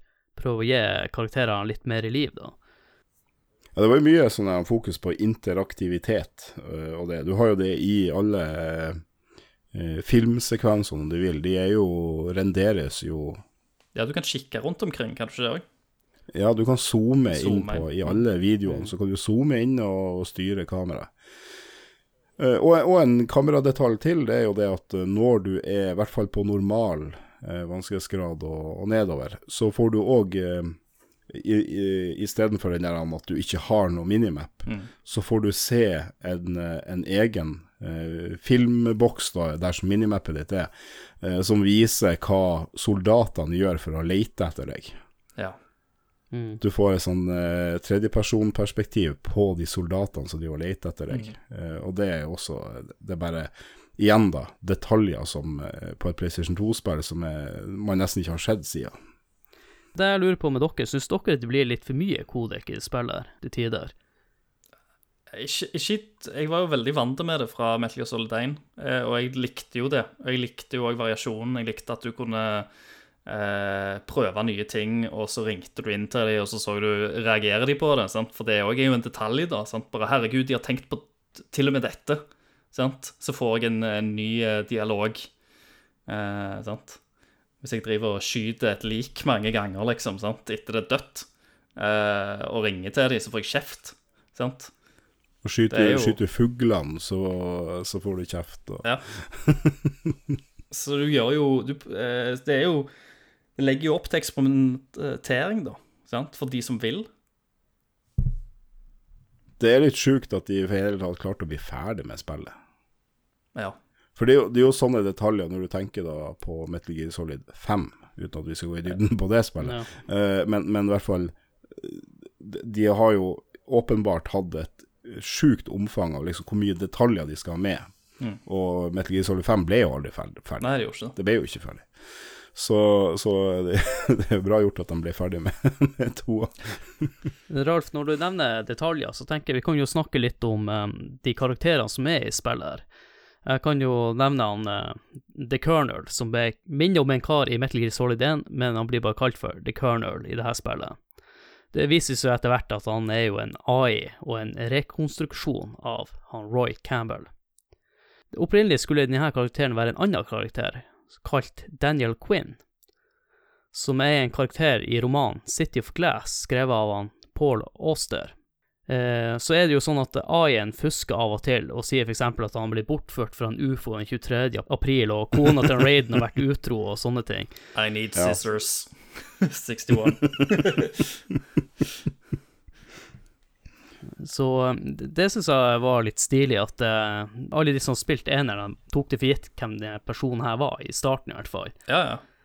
Men det er jo litt stilig at han blir aldri referert til Roy Campbell i det hele tatt. Nei, men, men det er jo det er for at det er jo samme det er stemmeskuespilleren, er samme karaktermodellen, da, Mm. som du ser. Ja, Og, men men um, de bruker aldri navnet. det, vi må jo lov legge til det her med at eh, er det ikke meta det heter når eh, de, de, de moser jo den fjerde veggen uh, til tider i det Det spillet. gjør de òg. Uh, de gjør jo det til Gjør de ikke det litt i Metal Gear Solid 1 òg? Jo. Eh, Psycho Mantis Ja. gjør det, blant annet. Jo, jo, jo, jo, herregud, selvfølgelig. Det, det snakka vi jo om i forrige for, om Metal Gear. Men uh, de tar det jo enda her. Er det ikke på tide å Har du spilt for lenge? Er det ikke på tide å ta en pause? Ja, nå har du spilt i over to timer, nå må du ta en pause. Og så den andre karakteren som eh, han eh, Raiden forholder seg til da i starten, de har jo fjerna Meiling og noen av de andre karakterene som var i eneren. Mm. Men det er jo Rosemary, som er kona til han Raiden. Og hun har jobba Allegedly. Men en tidligere jobba med dataanalyse i Pentagon for å bli spion, og eh, i forbindelse med spionjobben sin at hun blir kjent med Raiden, da. Mm. Men uh, opprinnelig skulle hun ikke være en av medhjelperne til Raiden, men være tenkt å være en av gislene på The Big Shell. En annen fun fact er kanskje mange vet fra før av, er at Rosemary og Raiden er oppkalt etter eh, hovedpersonene i filmen Titanic, Rose og Jack. Det var også tiltenkt at Rose skulle være blond, og det her ble ikke endra før helt på slutten av uh, utviklinga. Og en annen liten fun fact er at han Kojima henter inspirasjon til karakteren fra sin egen kone. Og Kojima har i ettertid uttalt at uh, han føler at uh, det her er den dårligste mottatte karakteren hos fansen. Ja, det var jo litt det der med å, de å prate med kona di. Jeg husker de, de samtalene fulgte jeg ikke mye med på. Nei, de, eh, de ble litt vasete, de gjorde det. Og du fikk, du fikk litt sånn kjeft, så går det bra, og ja, det ble litt sånn midten av en sånn parsamtale der. Må du tenke på blodsukkeret ditt og Ja. Ja, jeg tror vi bare går videre, da. Når vi bare statuerer det han Kojima tenkte. Ja, eh, jeg tror jeg kan si meg enig der. Ja. Men han eh, Raiden har jo også noen allierte. Eller blir etter hvert allierte, i hvert fall. Vi kan Ja. jo begynne med han første, som jeg sliter med å si. Og han Oktakon. Ok Oktakon. Eller Otakon, som jeg har lært meg nå han egentlig heter. Han, han forklarer til og med i ena hvorfor han heter Otakon. For han er en otaku. Mm. Du, kan kalle, du kan kalle han Hal isteden, Ja. hvis det er lettere. Jeg liker, jeg liker at du Hal gjør det på en vanskelig måte. Si det feil. Men, du, men når du skal si hell, så må du si Ja. sånn som Hal. en eh, papegøye. Oh, ja. ja. Jeg tror ikke vi kan trenge å bruke så mye tid på han, eh, han Otakon Ja, han, han eh, Ottakon han eh, gjør jo det samme som han gjorde i ena. Han pisser seg ut, og han Nei, jeg vet ikke om han pisser seg ut, men han eh, griner i hvert fall mye. Han griner. Og, men det er litt det, Jeg kjente litt det. Jeg, eh, og spesielt siden du har vært gjennom historien hans fra det første spillet. Og så dette Du syns litt synd på karakteren hans, egentlig, for den går gjennom jævla mye drit. Uh, alle Ja, som han han bryr seg om, bare faller om uh, og eh, forsvinner fra han, stakkars. Um, fordi at eh, en annen essensiell karakter i dette spillet er jo òg Emma, som da er uh, hva er det, stesøster eller noe sånt til, til han. Uh, og, og hun hjelper jo litt til, men uh, ender jo da opp, Selvfølgelig dessverre. er en Emerick liksom med å lage Ja, det er nye Metal Gear. Det, det, familien er cursed. De, de sier vel det òg. Ja, han sier jo det i en av at eh, blodet er cursed. Og det er jo litt tilbake til den eh, genetematikken som eh, Kojima driver og leker seg litt med gjennom flere av spillene. Memes før, før det betydde noe helt Fang, annet. fanger sitt eget DNA. Mm.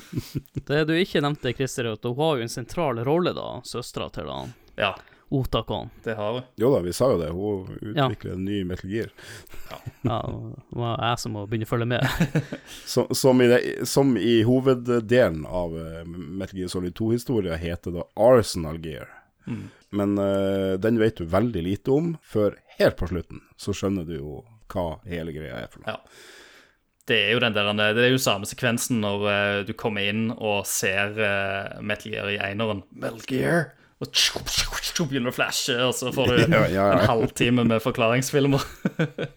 Mm.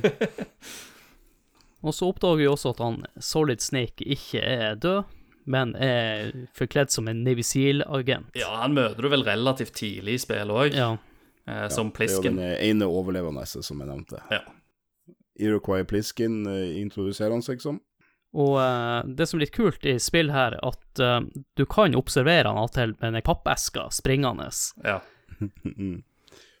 og så når han uh, sitter i det, det han, Dersom du finner han, eh, så kan du sikte på han med pistolen din, Mm. og da flipper han fram våpenet sitt ganske så kjapt, og så bare I wouldn't do that. Mm. Eller noe sånt.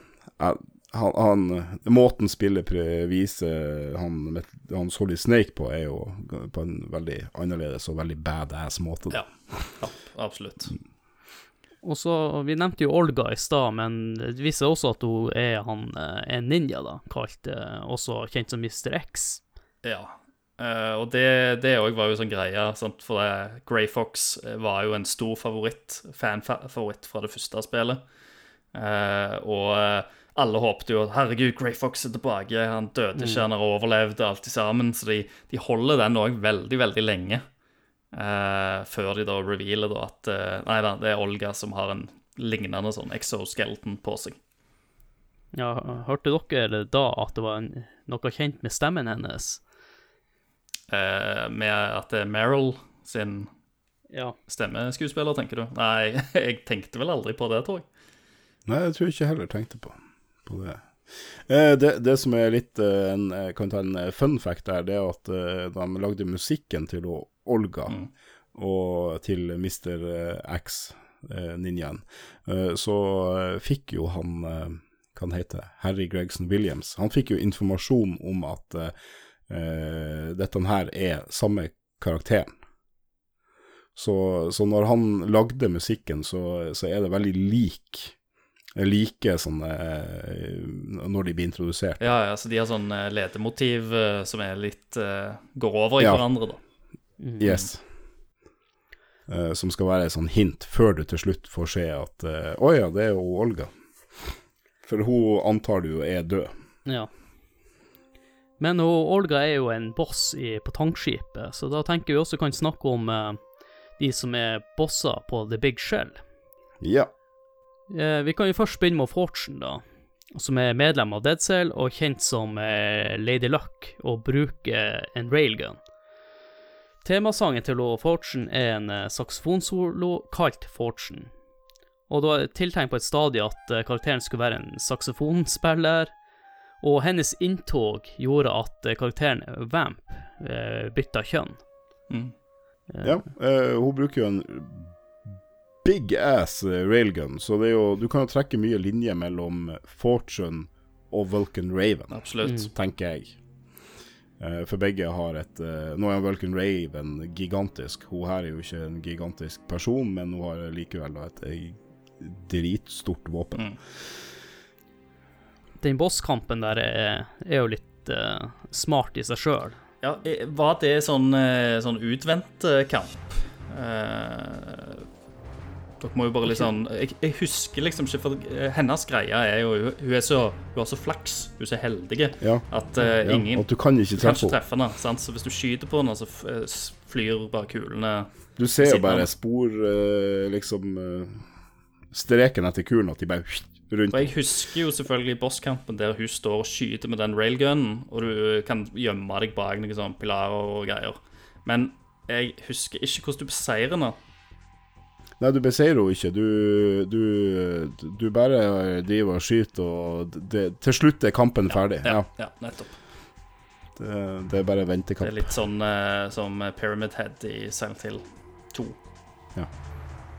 Og uh, han Vamp kommer vel også inn der og gjør sånn at kampen blir avbrutt, eller om det var han uh, Nei, han Snake sier jo, gir jo beskjed at jeg tar uh, av meg henne her, tar du og fortsatt videre, eller om det var litt seinere i Jeg tror det er senere i spillet at det skjer. Eh, første gangen du møter henne, så, eh, så har hun fucka opp hele rommet, og så kommer Vamp inn og så forteller han For hun har vel eh, en eller annen karakter som er kidnappa der, lurer jeg på. Så Vamp kommer inn og bare plukker den karakteren med seg. En, Jeg tar den på skuldrene og går. ja, og så blir hun med. Mm. Jeg, jeg husker ikke helt eh, nå i farta. Jeg sa det kanskje ikke i introen her, at det, det her er første gangen at jeg er med på en spilleepisode hvor jeg ikke har fått runda spillet rett før. så nå, nå må jeg dra ut av hukommelsen. ja. Og jeg, og jeg har jo heller ikke spilt dette spillet siden det egentlig kom ut. Eh, Men Ja. da runda jeg det jo sikkert 20 ganger òg, da. Mm. Jeg har runda HD-edition på, på eh, PS3, Mm. og, og så begynte jeg på Substance-versjonen. Eh, men, men eh, så skjedde livet. Så jeg, jeg fikk ikke runda spillet nå. Men ja, vi får, eh, vi får ta det fra, fra hukommelsen. Neste boss er han Fatman. Han er også Dead Cells svar på dyn- dynamitt-teori. Og det kommer jo ikke som en overraskelse at uh, for dere som er interessert i andre verdenskrig, så er jo denne eh, karakteren oppkalt etter atombomba som ble sluppet over Nagasaki Mm. under annen verdenskrig. Og uh, artdesigneren Yuji Shinkawa han har uttalt at dette var den vanskeligste karakteren å designe. For han ville lage en speilfeit karakter, men også skulle se litt vakker ut. Og en liten fun fact eh, er at i Japan, bare hvis det er noen kilo for mye, så får du kommentarer av eh, vilt fremmede folk. Mm. Eh, det som jeg husker best fra denne bossen, er at han fyren gikk på rollerblades. Ja. Eller rulleskøyter, da. Som jeg syns var veldig merkelig opplegg. Så gnistfokken står, mener jeg å huske òg. Ja. Ja, altså så snubler han over, og så må du skyte han midt i oppå hodet. Ja, Ja, for at han har på seg en sånn death suit. Stemmer. Eh, og eh, så ja. Den har ganske Det- høy hals, så han er ganske Ja. beskytta ellers. Ja, så du, du må skyte han i toppen, toppen av Ja, og før det, det er jo noe som leder opp til det, for han her har jo plassert masse sånn bomber rundt omkring på riggen, og det, det er jo der du har den der freezing sprayen som vi snakket om tidligere, som vi går rundt og avdetonerer, og disse her med å spraye den der freezing sprayen på dem. Eh, og så Ja, dukker du gjør han det opp. først i bosskampen med Ja, det er det det, Og først. så er det Okay. Nei, du har jo masse bomber du er nødt til å få fjerna først. For han eh, tidligere læreren, læremesteren hans, er jo om bord der.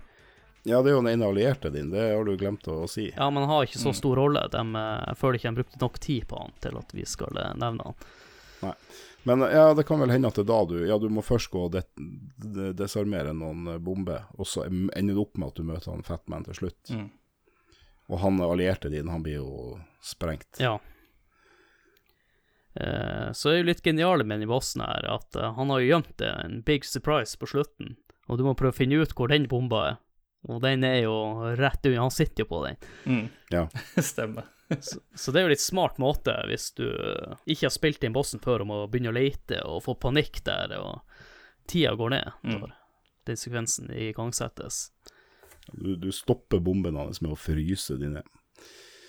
Så kommer du jo til den bosskampen som jeg synes er den beste i det her spillet.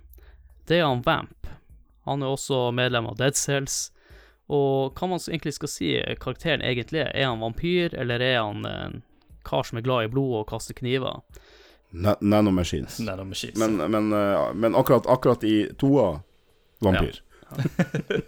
Altså En liten fun fact om karakteren er at han er basert på en flamengo-danser. Og Vamp han kan jo gå på vegger, men denne ferdigheten var egentlig tiltenkt en annen boss som ikke kom med i spillet, som ble kalt for Chinaman. Veldig politisk korrekt navn. Jeg husker jeg så noen sånne Ja. tegninger av han.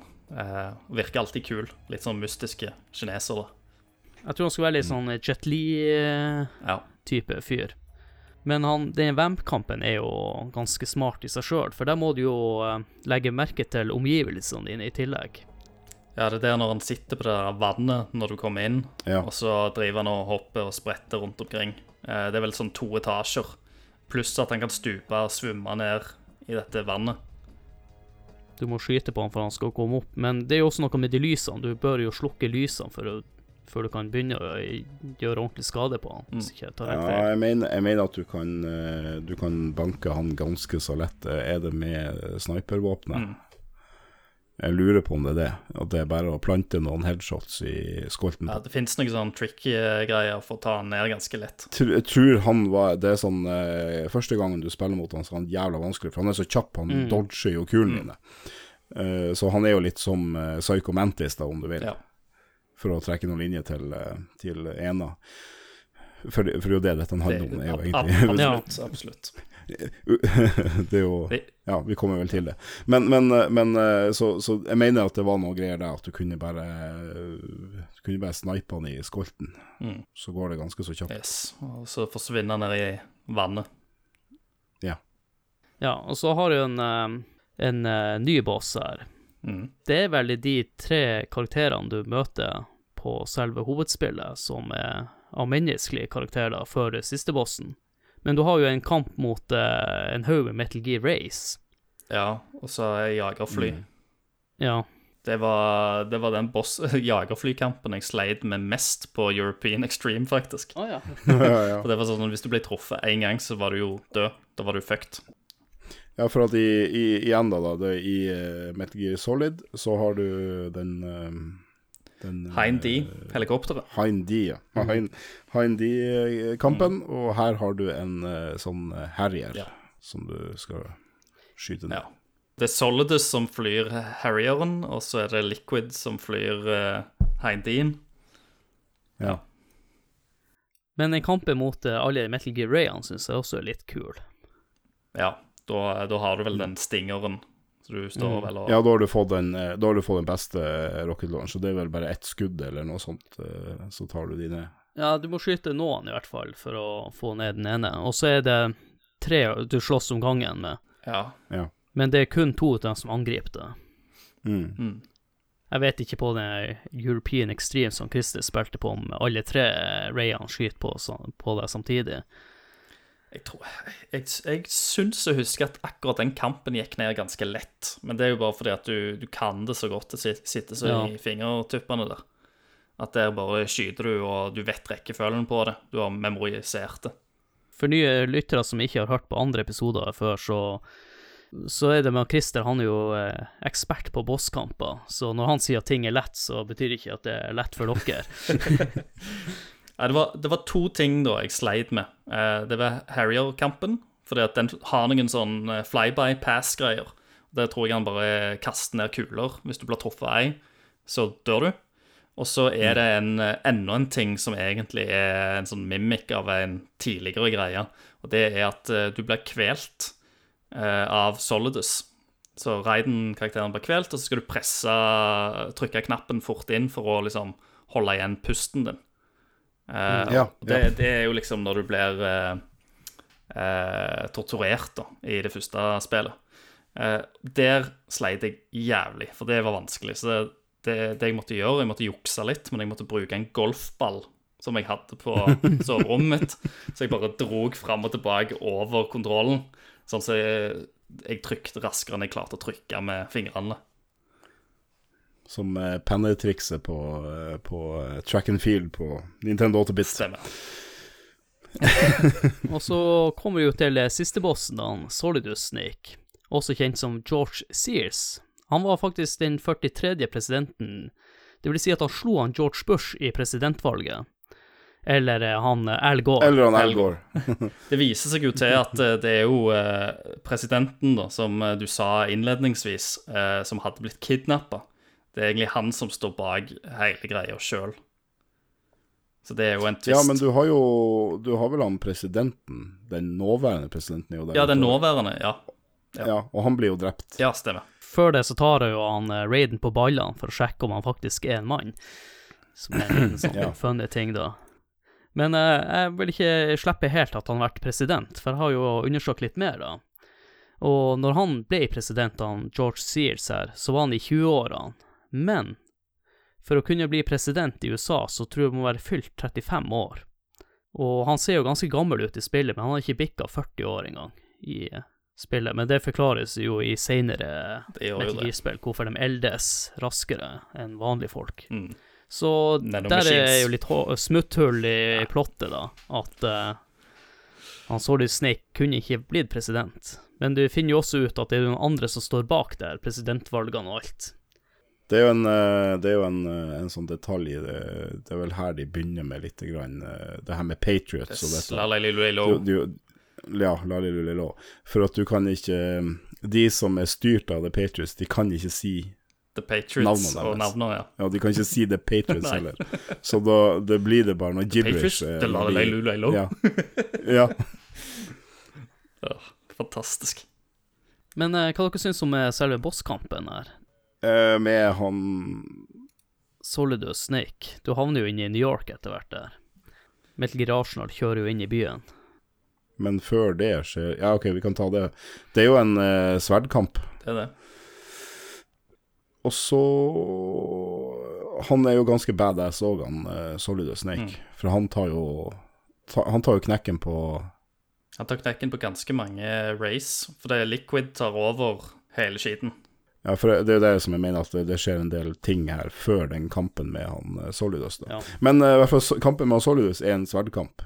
Litt kjedelig kamp, egentlig. Ja. For det er litt sånn der han eh, venter, venter, venter, eh, og så slår han, og så skal du dodge, og så skal du slå. Går du inn, tar en kombo, og så dodger du litt. Ja. Går inn, tar en kombo. Ja, og så dreper du han, og så er det liksom Når du endelig dreper han, så er det jo blodsprut à la Kill Bill. Ja. Virkelig.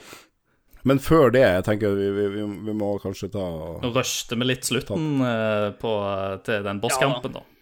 Ja, du hoppa jo over hele, hele greia med spillet, da.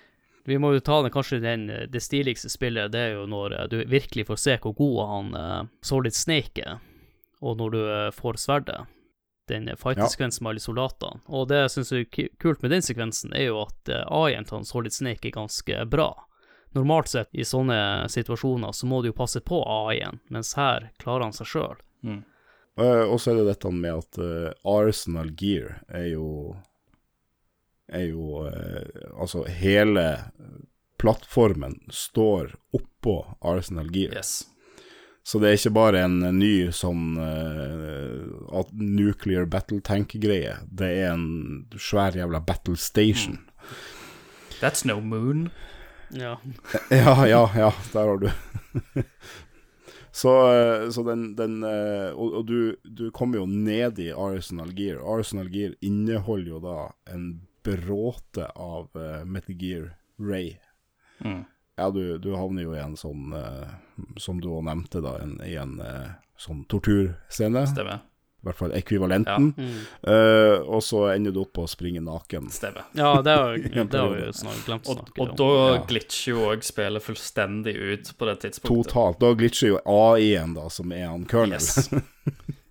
Og så begynner han å vise deg eh, dansende Istedenfor kartet, så får du ei sånn dame som er lettkledd som danser. Og, Det- og det er vel en eh, falsk han game blir over? plutselig bare skjelett og greier. Ja, ja, falsk game Så står over. fish, er and mailed. weird. Det som også er litt stilig sånn eh, utover i spillet, du finner jo ut at han Raiden vet bare mindre og mindre egentlig hva som foregår, og jeg liker også at du får litt sånn små drypp med at du finner ut hele tida hva som egentlig foregår. You know nothing. Ja. Jon Ja, det, for det er jo det som jeg, jeg liker med spillet, er jo det at du er en nobody, på en måte. Uh, som bare uh, du, du er bare en tilskuer som ser Mm. alt som skjer rundt deg. Mm. Og, og hele poenget med spillet er at uh, den der han eh, Han, han Ocelot uh, forteller jo til slutt hva som er hele poenget. At han har liksom laga en, en, en uh, Simulering av Shadow Moses. Ja. De skulle vel lage en eller annen soldat, bare Var Ja, sånt? og han, og han. Raiden er, er, jo, er, er, jo, er jo liksom det som er Ja, testsubjekten. så hvis du vil skal kopiere og lage en ny Solid Snake, da, så slenger de han inn eh, og lar han gjennomgå akkurat lignende situasjoner som Solid Snake gikk gjennom på Shadow Moses. Så Ja. alt du har vært gjennom, er egentlig konstruert og planlagt. At det er alle likhetene med det første spillet, og alle liksom spillmekanikker eh, har vært nøye planlagt. Så det er jo, det er jo eh, veldig sånn der en eh, what the fuck moment både for eh, spillkarakteren Raiden, men òg for spilleren, da. For det går jo opp eh, litt sånn Ja. der, iallfall hvis du har da spilt Metal Gear Solid 1, så er det sånn Å ja, det, det er derfor. Ja, det er ikke bare latskap. Og han eh, Solid Snake er jo ikke klar over det. Eh, Så han blir tatt på senga. Og det er jo det da at han Revolver Ocelot, det viser seg at han jobber jo for The Patriots. Ja. Og har da tilgang på teknologi, og eh, han tar kontroll over hele det her han, eh, Arsenal Gear-styret, da. Um, og styrer, tar over um, alle de Metal Gear Rayene som er igjen. Og, og skal liksom bare kvitte seg med de her han, eh, pesky snakes-jæklene, da. uh, hvor nå ender med at han uh, Solid Snake han tar jo bare og eh, moser alle Rayene unntatt én. Ja, For han har jo òg på seg en sånn der en eh, suit som gjør han jævlig mye sterkere. Ja, det er jo litt sånn eh, Jeg fikk jo litt Spiderman 2, tenker jeg. ettertid. Ja. ja. Doc Ock. Doc Ock, ja. Men det virker så at han Solid Snake, da, han vet litt mer hva som foregår. ja. Han er, han er iallfall mer ute etter liquid. Eh, på det stadiet iallfall liquid enn Solidus. Og, og eh, så blir det òg da avslørt uh, i sam, Altså, det er jo skikkelig what the fuck, what the fuck, Ja. og herregud, det her Jesus, for en thriller. Og, eh, og når, når, hun Fortune skal liksom uh, ta knekken på han Ocelot, for de skjønner at han, han er jo mer bad enn de kan tenke seg. uh, og så preller jo bare skuddene av han. Han har den samme teknologien som de har brukt på henne. Ja, og så sier han vel et eller annet at eh, Tror du at Jeg tror du virkelig at du er så heldig, eller noe sånt, her, og så bare tar han ett skudd rett i hjertet Ja. på Og da bare sånn Du får jo bare Nei! Nei! Men det viser seg jo, du har jo litt sånn superkrefter likevel, da. Ja, det er litt på slutten der hun klarer å, klarer å deflekte noen raketter, eller hva faen det er. Ja, ja, ja. Eh, Så å, hun hadde visst litt flaks allikevel. Uh, Wink, wink. Eh, Nanomachines. Ja, Vi nevnte jo at The Colonel var en AI, men det var jo også Rosemary. Ja. Nei, de møtes på slutten. Jo, på slutten, ja, men den du har prata med, var alltid en AI i kodeken. Ja, det er mulig. Ja. Ja, for at hun sier vel òg noe weird shit når du er det, det, det er mye som skjer i det spillet, og mot slutten så tar det jo helt av. ja. Ja. Men det ender i hvert fall med at han, eh, han eh, Ocelot er jo før, du, før kampen Det her er jo alt dette han gjør rett før kampen med han eh, Solius. Eh, og, og det at eh, Solius tar knekken på alle de her raidene eh, Nei, alle de her eh, Metal Gear Ray eh, som er igjen her. Og, og han eh, eh, godeste Ocelot, han tar den siste Rayen og stikker av. Yes. Og han, eh, og han eh, Solid Snake, da, som eh, har Du ble tatt til fange, for du er jo oppe og dekker til Arsenal Gear. Han, Solid Snake han er jo i håndjern, og så når han Ocelot stikker av, så tar jo han Snake og bare river sund i håndjernene, og så stuper han etter han Ocelot, og så er de borte. Ja, jævlig ba badass moment igjen. Skikkelig badass moment. Og så rammer jo da eh, Arsenal Gear inn over eh, New York, da. Og akkurat den sekvensen der ble jo hef heftig sensurert Ja. eh, på grunn av eh, World Trade. Eh, det var Jeg husker på For det fulgte med en eller annen bonusdisk, og da kunne du se eh, Eller var det i, i den, nye, den andre utgaven av spillet? Eh, så, så kunne du se liksom de uferdige 3D-rendra eh, scenene som var ekstra der. Med mye mer ødelegg ødeleggelse av bygninger og alt i sammen som føyk til filler. da. For det er et, det er et litt brått kutt når Arsenal Gear bare Ja. treffer byen, og så plutselig så ja, er du der. Ja, pl ja plutselig så, så er det, Det bare. Ja, det er mørkt, og så, og så, og så våkner han opp igjen, da. Veldig likt uh, Metal Gear Solid. Eh, at du våkner opp da, og så er du oppe på toppen av uh, Arsenal Gear der, og så får du og så skal du liksom da ha en Istedenfor hand-to-hand combat med som du hadde med han uh, Liquid Snake, så blir det da sverdkampen Ja. med Solidus. Vi har ikke snakka noe særlig om musikken. Eh, grunnen til han, han du nevnte i stad, Ralf, han som lagde musikken, Harry Gregson Harry, Williams, eh, fikk jobben, var fordi at eh, både Kojima og Moraka de var selvfølgelig glad i filmer, og de hadde sett en eh, film som heter Replacement Killers, og digga musikken til den filmen. Så det er derfor de tok kontakt med han. Mm. Og han hadde jo aldri lagd spillmusikk før. Mm. Og hvis dere ikke har hørt om den filmen, så har han også lagd musikken til filmer som Armageddon og Enemy of the State. Stemmer. Og Spy Game.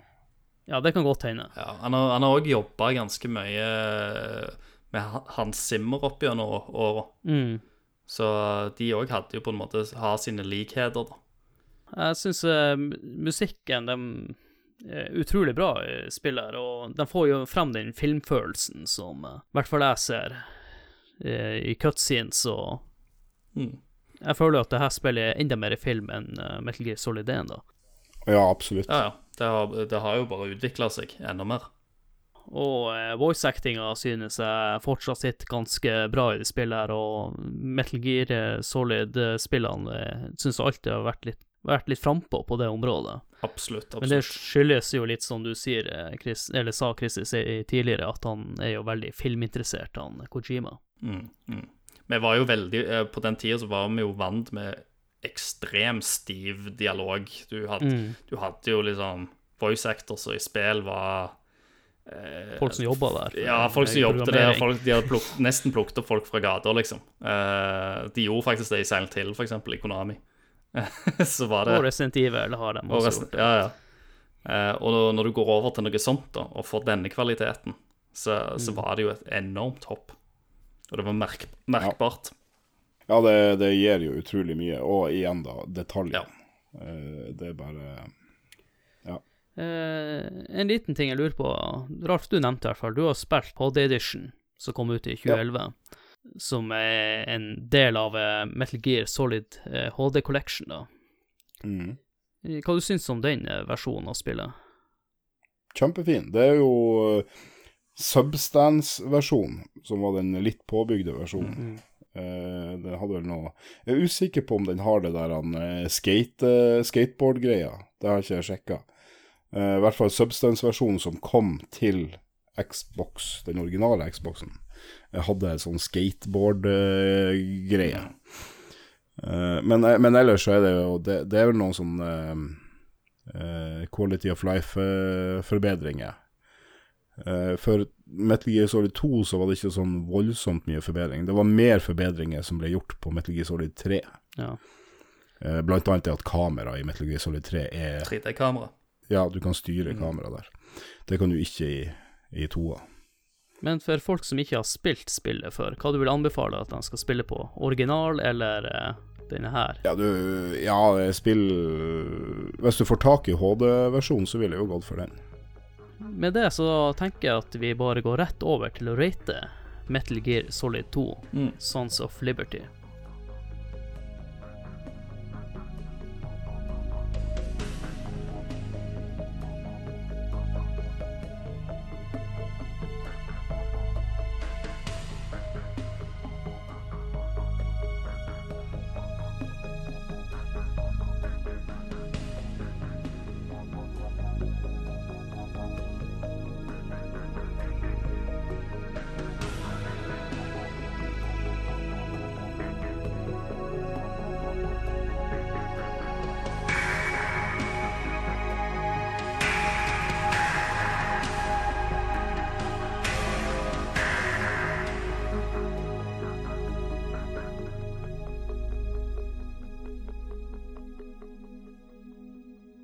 Da skal vi rate spillet, og som vanlig så har vi benyttet oss av eh, Nintendo-magasinet sine kriterier, og skalaen vi bruker er fra 1 til 10. Og kriteriene vi skal bedømme spillet fra, er grafikk, lyd, spillkontroll, underholdning og holdbarhet. Ralf, grafikk Ti! 10. Den var rask. Ja, det Du, det, den eh, Som sagt, jeg, har, jeg begynte på spillet eh, på PC, da vel å merke. Men det er Substance-versjonen. Det er nydelig den dag i dag. Eh, Regndetaljene er bare ja, ja, ja. Jeg skjønner ikke hvordan de fikk det til da. Nei. Eh, Christer. Eh, klar tier for meg òg. Det er som Ralf sier, eh, utrolig mye detaljer. Eh, ja, det er helt, helt nydelig. Eh, det, var, det var over alt annet på den tida det kom ut. For min del, jeg vet ikke om det er rett å trekke en karakter på det, men jeg, som jeg sa litt tidligere, er at jeg synes plattformen blir litt lik. Men det har jo ingenting med grafikken å gjøre. Det er jo art directing i så fall. Ja, men jeg, jeg må si noe for å trekke litt ned. Jeg synes ikke helt ti av ti, men jeg, Ja, du ga ti av ti til et eller annet spill her i, i spill. Ja, det har gitt mange ti av ti, men eh, Ja, vet du hva, jeg gir det ti. Jeg gir det ti. Bra, ja. flink gutt. Uh, nå gir jo jeg òg karakteren ut ifra uh, den tida som jeg husker. Uh, Ja, men vi må se litt også på dagens standard, men uansett, det ser veldig fint ut i dag, så jeg føler meg trygg på det. Ja, det har jo el eldes godt, men i, i dag så er vi jo òg vant med enda mer mimikk i ansiktsanimasjoner og sånt. Det vil, der vil det jo være noe stivt, eh, sett Men med dagens øyne. det er, det er, det, Men det er et 3D-spill som faktisk har eldes veldig Ja. bra. Ennå til å få. Det, kameravinkelen er ikke optimal. Der vil jeg si at trea er helt Det er som et uh, hvilket som helst Ja. spill øh, den dag i dag. Men neste kriterium er lyd. Der vil jeg gi det ly- Er det musikk? Ja, lyd, musikk, alt. Mm. eh, Ja, det blir en tier, da. ti. Og Christer, er du helt enig der òg? Skal vi nærme oss Link to the Past? Ja. Der uh... Ja, det er en, eh, det er en tier på lydsida òg. Der òg er det masse, masse detaljer. Soundtracket er perfekt. Jeg elsker de der eh, eh, Til og med bare den leide musikken. Sant? Det er utrolig stemningsfullt. våpenlydene, ja. Våpenlydene Ja.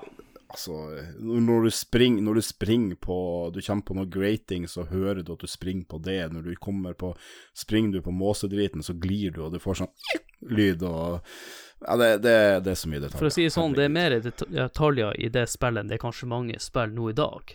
ja. Ja, Så jeg må gi det tid der òg. jeg vil si at det er mer detaljer enn de fleste spill i dag. Vi begynner å lukte Link to the Past-karakterene, men eh, det vet jeg ikke om jeg kan gi på neste punkt. Spillkontroll. Ja, der vil jeg vel kanskje gi en uh... For at jeg vil si at Metal Gear Solid 3 er veldig mye bedre. Men jeg kan gi det ut fra da, den tida i hvert fall, åtte, tenker jeg. Men det ligger nok der sånn sju-åtte. Yes. Christer.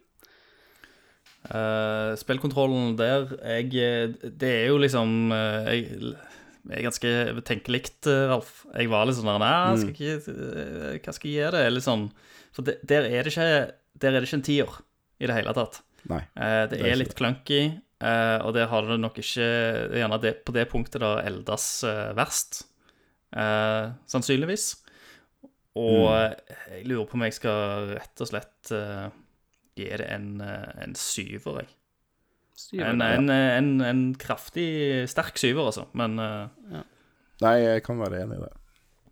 Ja, jeg, er litt us jeg ble litt usikker her. Jeg hører hva dere begge to sier, og jeg gir det åtter. Eh, underholdninga. Ralf. Ja, ti! Christer. ja, det er jo en eh, det er, og, og Om det ikke er Ja, det er en tier, herregud. Selvfølgelig er det det. Er ikke noe å tenke på engang. Jeg må nesten også si det en tier. Eh, Det er jo lenge siden jeg spilte spillet, og eh, når jeg så gjennom på nytt igjen, så ble jeg bare underholdt av å se sp- gjennomspillinga. Så det blir en tier der òg. Og så er det jo noe med det der greiene òg at eh, når det er gått så mange år siden du spilte et spill, og det ligger egentlig så ferskt i minnet, eh, da har du jo gjort noe rett. Du er jo underholdt.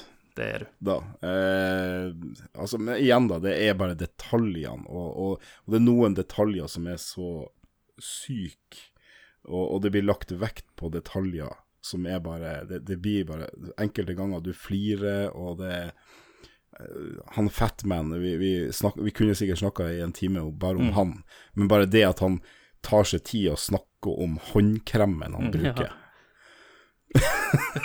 det, det er bare helt mellom Jeg tenker jo det kan være opp til lytterne å skrive i kommentarfeltet på episoden her hva vi glemte å si, eller hva vi burde ha sagt, men eh, vi vil jo prøve å holde episoden eh, sånn at den ikke blir altfor lang. Den burde vært fem timer lang, Ja. episoden, sant? Og det, men det går ikke. Det går ikke.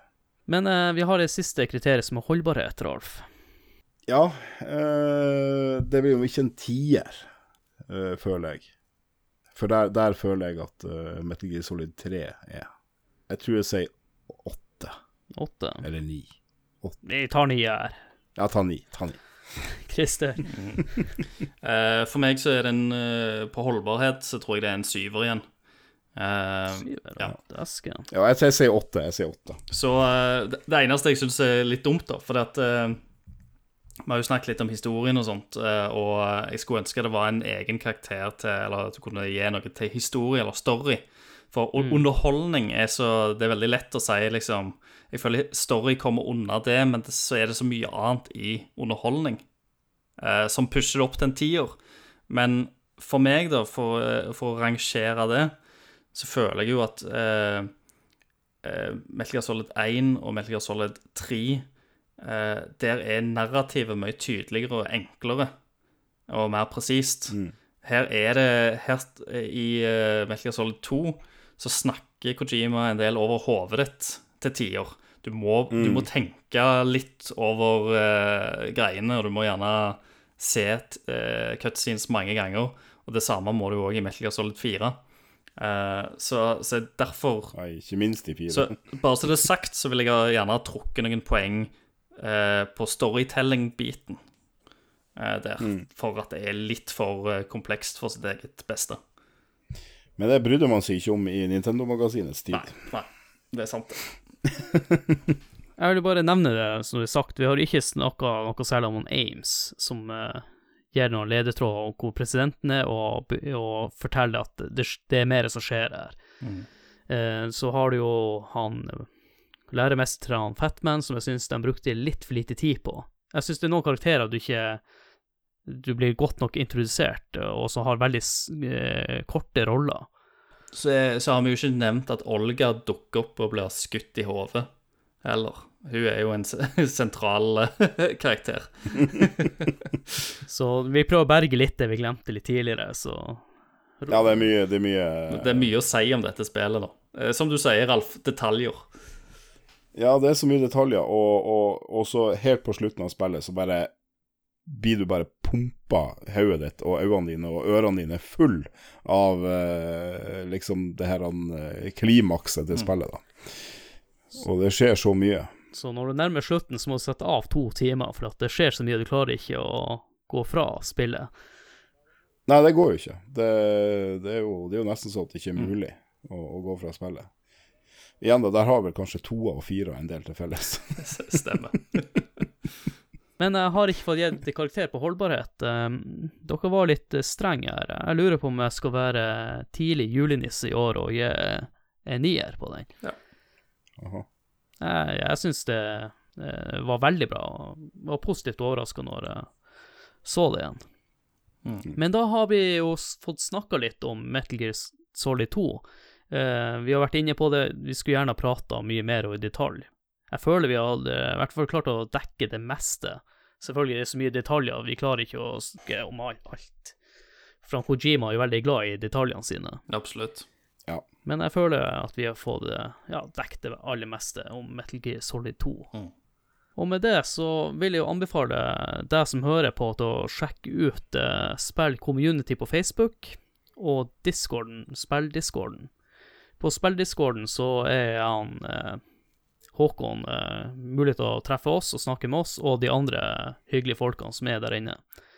På spillcommunityet så har, bruker jeg å ha en spørsmålsspalte. Jeg visste at denne episoden i dag ble så lang at jeg jeg valgte å ikke ha med en sånn lyttespalte til denne episoden. Mm.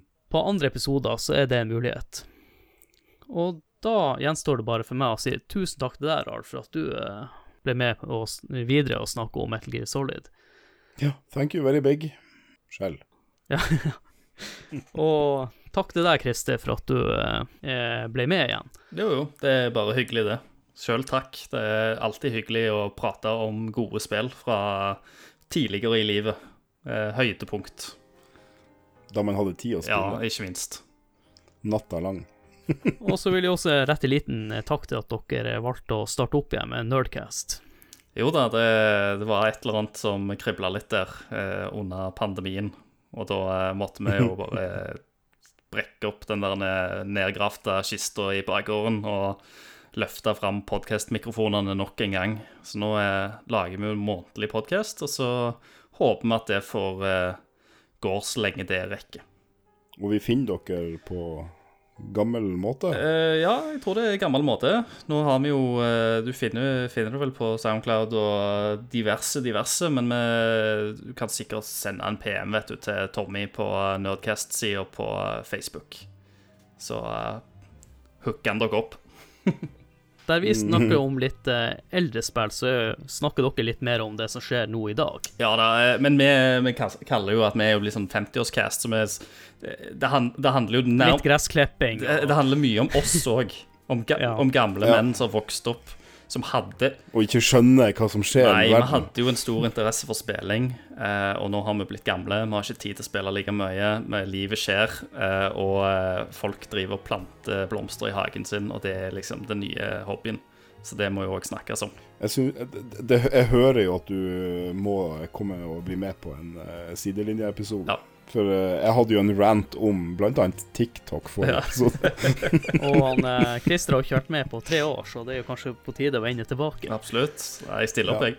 Det er bra. Og da gjenstår det for meg å si tusen takk til deg, Rolf. Vær så god. Og tusen takk. Og tusen takk til deg, Christer, for du var med. Bare hyggelig. Tusen takk. Yes. Og da er det bare for meg å si ha det. Ha det. Ha det.